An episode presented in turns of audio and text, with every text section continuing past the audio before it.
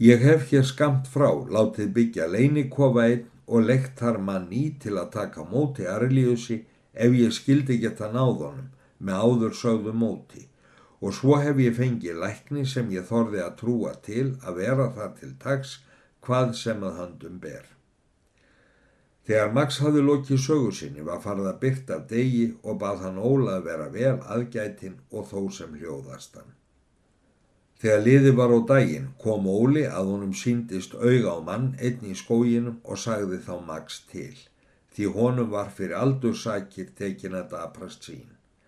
Max tók þá sjónauka sem hann hafði hjá sér og kom fljótlega auga á mannin sem fór nokkur skrítilega.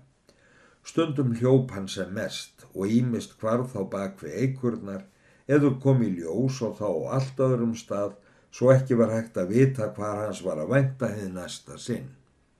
Hann nálgaðist þá alltaf þá frændur og stóð þá stundum og skimaði allar áttir og var aðferð hans engu líkari en melrakka sem leitar snöðrandi eftir bráð, óttast á hverjum bletti spennt hann boga eður aðrar veiði brellur. Það sáu þeir að hann hafði sjónauka og brá honum yðurlega fyrir auga sér.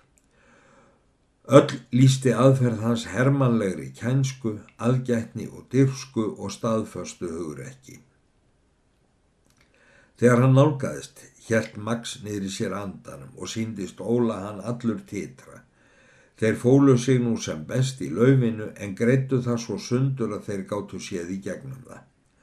Óli lítur þá að eira Max og segir að þeim sé betra að reyna að komast ofan úr trénu til að geta skotið fætur undan manninum og því sans samsinnir hann, en segir það ekki gott ef hann kunni við það að verða þeirra var. Óli ansar því ekki, en eitt sem þeirra stegamadurinn kvarf í skógin, vatt hann sér fljótlega við og rendi ofan eikarstofnin og Max þegar á eftir honum. Grófu þeir sí í mosa og föllnu laufi svo mikið sem þeir máttu en þó aðeins svo að þeir hefði hendur lausar til að geta skotið. Eftir litla stund liðna kom ræningin fram og var þá hart komin nær í skotmál. Hann hafði bissu sína fyrir sér og brá henni smátt og smátt upp að kinninni og voru þeir þá hrættir um að hann hefði haft einhvern grunum nálag þeirra því að nú staðnæmdist hann annað hvort augnablík, hlustandi og skimandi í allar áttir. Max tók þá bissu sín og miðaði og sá Ólafur að hún skalvi höndum hans. Hann miðaði nú líka og greip þá Max til hans og var skotið næri riðið af. Hefði Óli ekki í sama bíli gripið um lásin og kvíslaði hann þá að Max að það mætti hann ekki oftar gjöra sér því að við það væri þeim hægt að búin. Við þessa reyfingu þeirra staðnæmdi skóarbúi og miðaði bissu sinn í ýmsar áttir en þeirra minnst varði skaut Ólafur og ræningin um leið og fjall við. Max var mjög byllt við og spratt upp þegar og leitt heftarlega til Ólafs um leið. Þeir lupu þó til og þangað sem ræningin lá og var það jafn snemma að þeir komu til hans og hann hafði náð knífur belti sínu og ætlaði að skera sig á háls. Max greip um handleikin og gatt hrist nýfin úr hendi hans. Þeir sáu að sundur var annar fótleggurinn en ekki sáu þeir að nefði annan skada fengið. Max tók þá um stegamannin ofanverðan og síndi stóla hann gjöra það mjög sterklega því að stegamadurinn braust fast um. Takk þú fætur hans Ólafur svo hann ná ekki að berjast um með hennum lesta fæti, saði Max. Þannig heldu þeir hann stundarkorn svo dasaðist hann þá fljótt og eftir það segja á hann ómegin. Max tók þó upp hjá sér strengi, sterka og mjúka og bundu þeir hendur hans mjög vandlega. Síðan tók hann fram dúk og vöfðu þeir honum um fætuna svo laglega að hann skildi geta sem minnst hrært sig og þó ekki hafa þraut af. Eftir það kreftu þeir saman yfirhöfnum sínum og lögðaðan þar á og báru síðan á milli sín eftir leiðsvörn Max. Þegar þeir höfðu borðan um hríð settust þeir niður og tók Max þá upp hjá sér pípu og blés í. Littlu síðar komu tveir menn og sá Ólafur að það myndi vera læknirinn og kofabúi. Var þá stigamadurinn borin þanga sem skóurinn var mjög þéttur.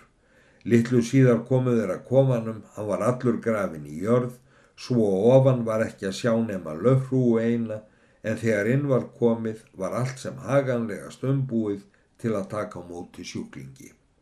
Nú afhendi ég yfir hann herra læknir, saði Max, í góðu trösti til dugnaðriðar og veit ég að þér hafið oft reynd íþróttiriðar við voðalegri sár en ég vona þetta sé.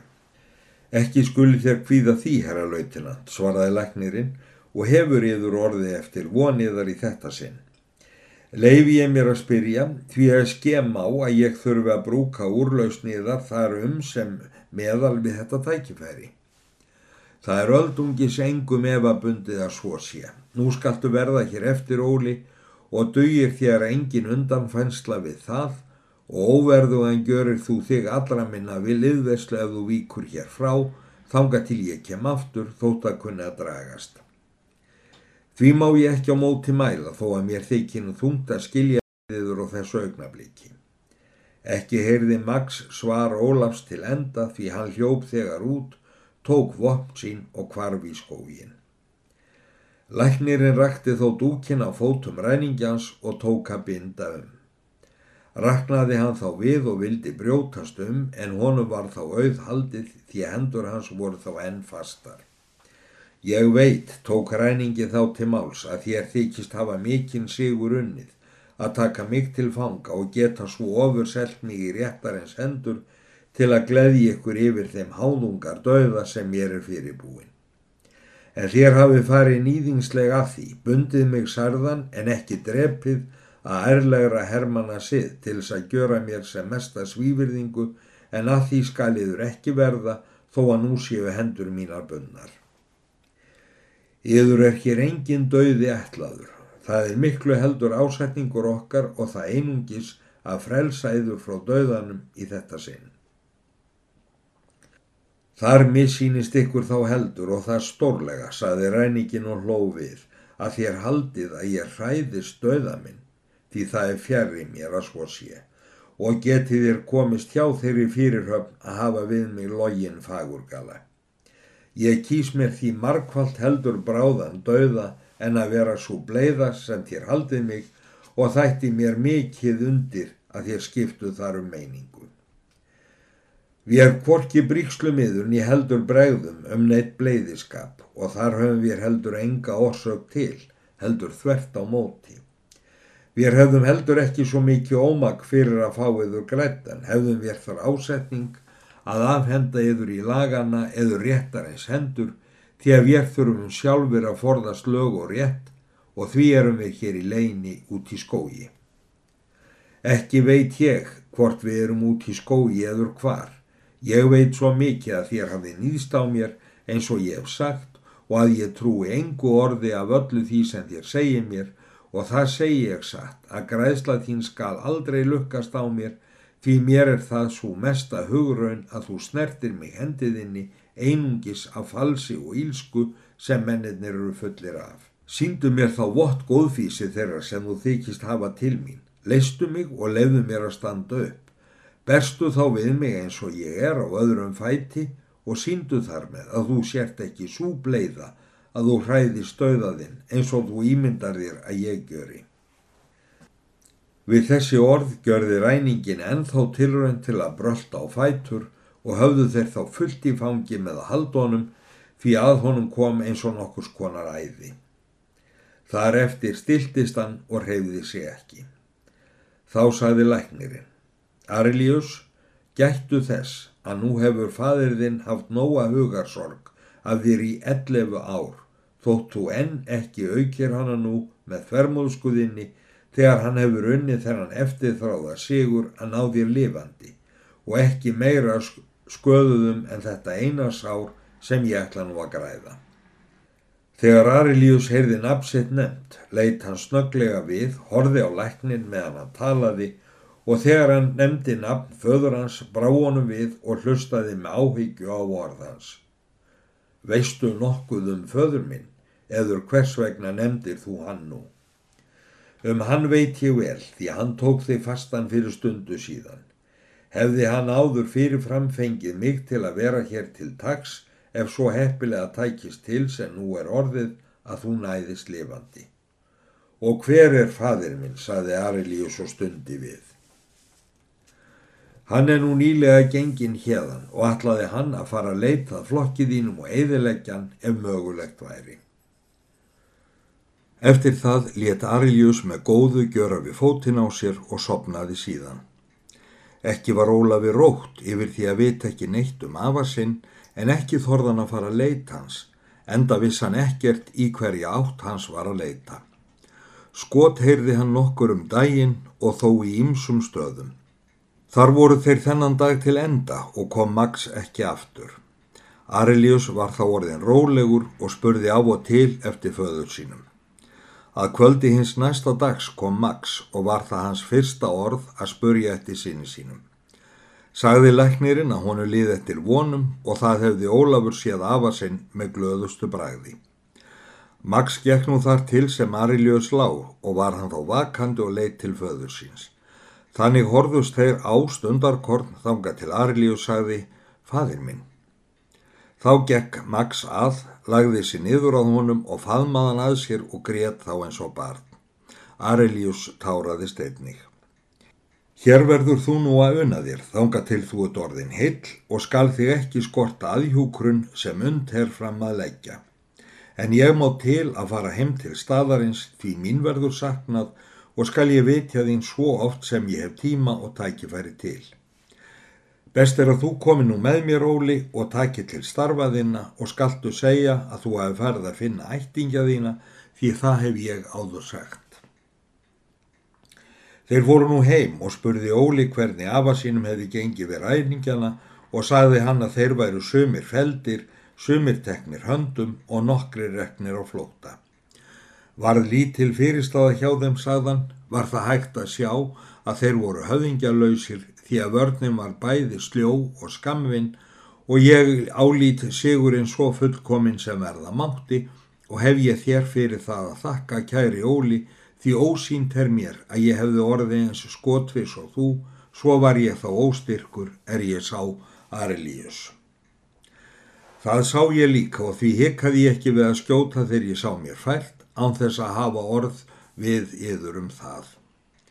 Já Óli, það gjörður þú vel úr því að það hefnaðist, en í lífsáska varst þú statur. Því eins og ég sagði þér hefði ég tröðlega stilt mjög um að skjóta þig hefði skotið mislukast og ég komið að arlíusi döðum, þar mér þó auðnaðist að sjá hann lifandi, en ekki hefði ég þá samt lifað lengi eftir ykkur báða heldur þegar í stað ráði mér bana. Mánuður var liðin frá því sem nú er sagt og hafði Arilíus batnað dag frá degi. Oft kom Max þar og var það þeim báðum hinn mesti fagnaðar fundur. Max sagði yfirvöldun svo frá að hann hefði drepið ræningjafóringjan og tók hann í því skinni með sér nokkuð af búningi Arilíusar og bári hinnir herrteknu menn honu vittni um að það væri klæðnaður yfirmanns þeirra en engin af þeim vissi hvað af honum hefði orðið. Hann hafði gengið frá þeim um nóttina eftir að hafa skipt þeim í skógin og skipað þeim að býða þar tilkomu sinnar. Þann sama morgun var hann tekinn og hafði hvortvekja liðið heilt skotinn og áttu þau skamt saman þegar Max hitti sína menn því að hvori fyrir sig hugðu sinn höfðingja í hættu. Max bað bandingjanum lífs og áleit hann það kærleiksverk skildu sína til þakklættis við Guð sem hafði gefið honum aftur són sinn lifandi. Var honum veitt það því orð hans og meðmæli voru mikil smetin. Nokkru síðar sótti Max Arlius um næturtíma og var eins og honum yrði nokkuð undarlega við þegar hann eftir svo langan tíma kom í sama hús sem hann hafði eitt í sínum fyrstu og eftir því sem hann sjálfur sagði einustu glöðu aldursárum og því var líkast sem hvorugur þeirra feðga gæti komið sér að því að minnast hennar fyrri tíða sem báðir söknuðu.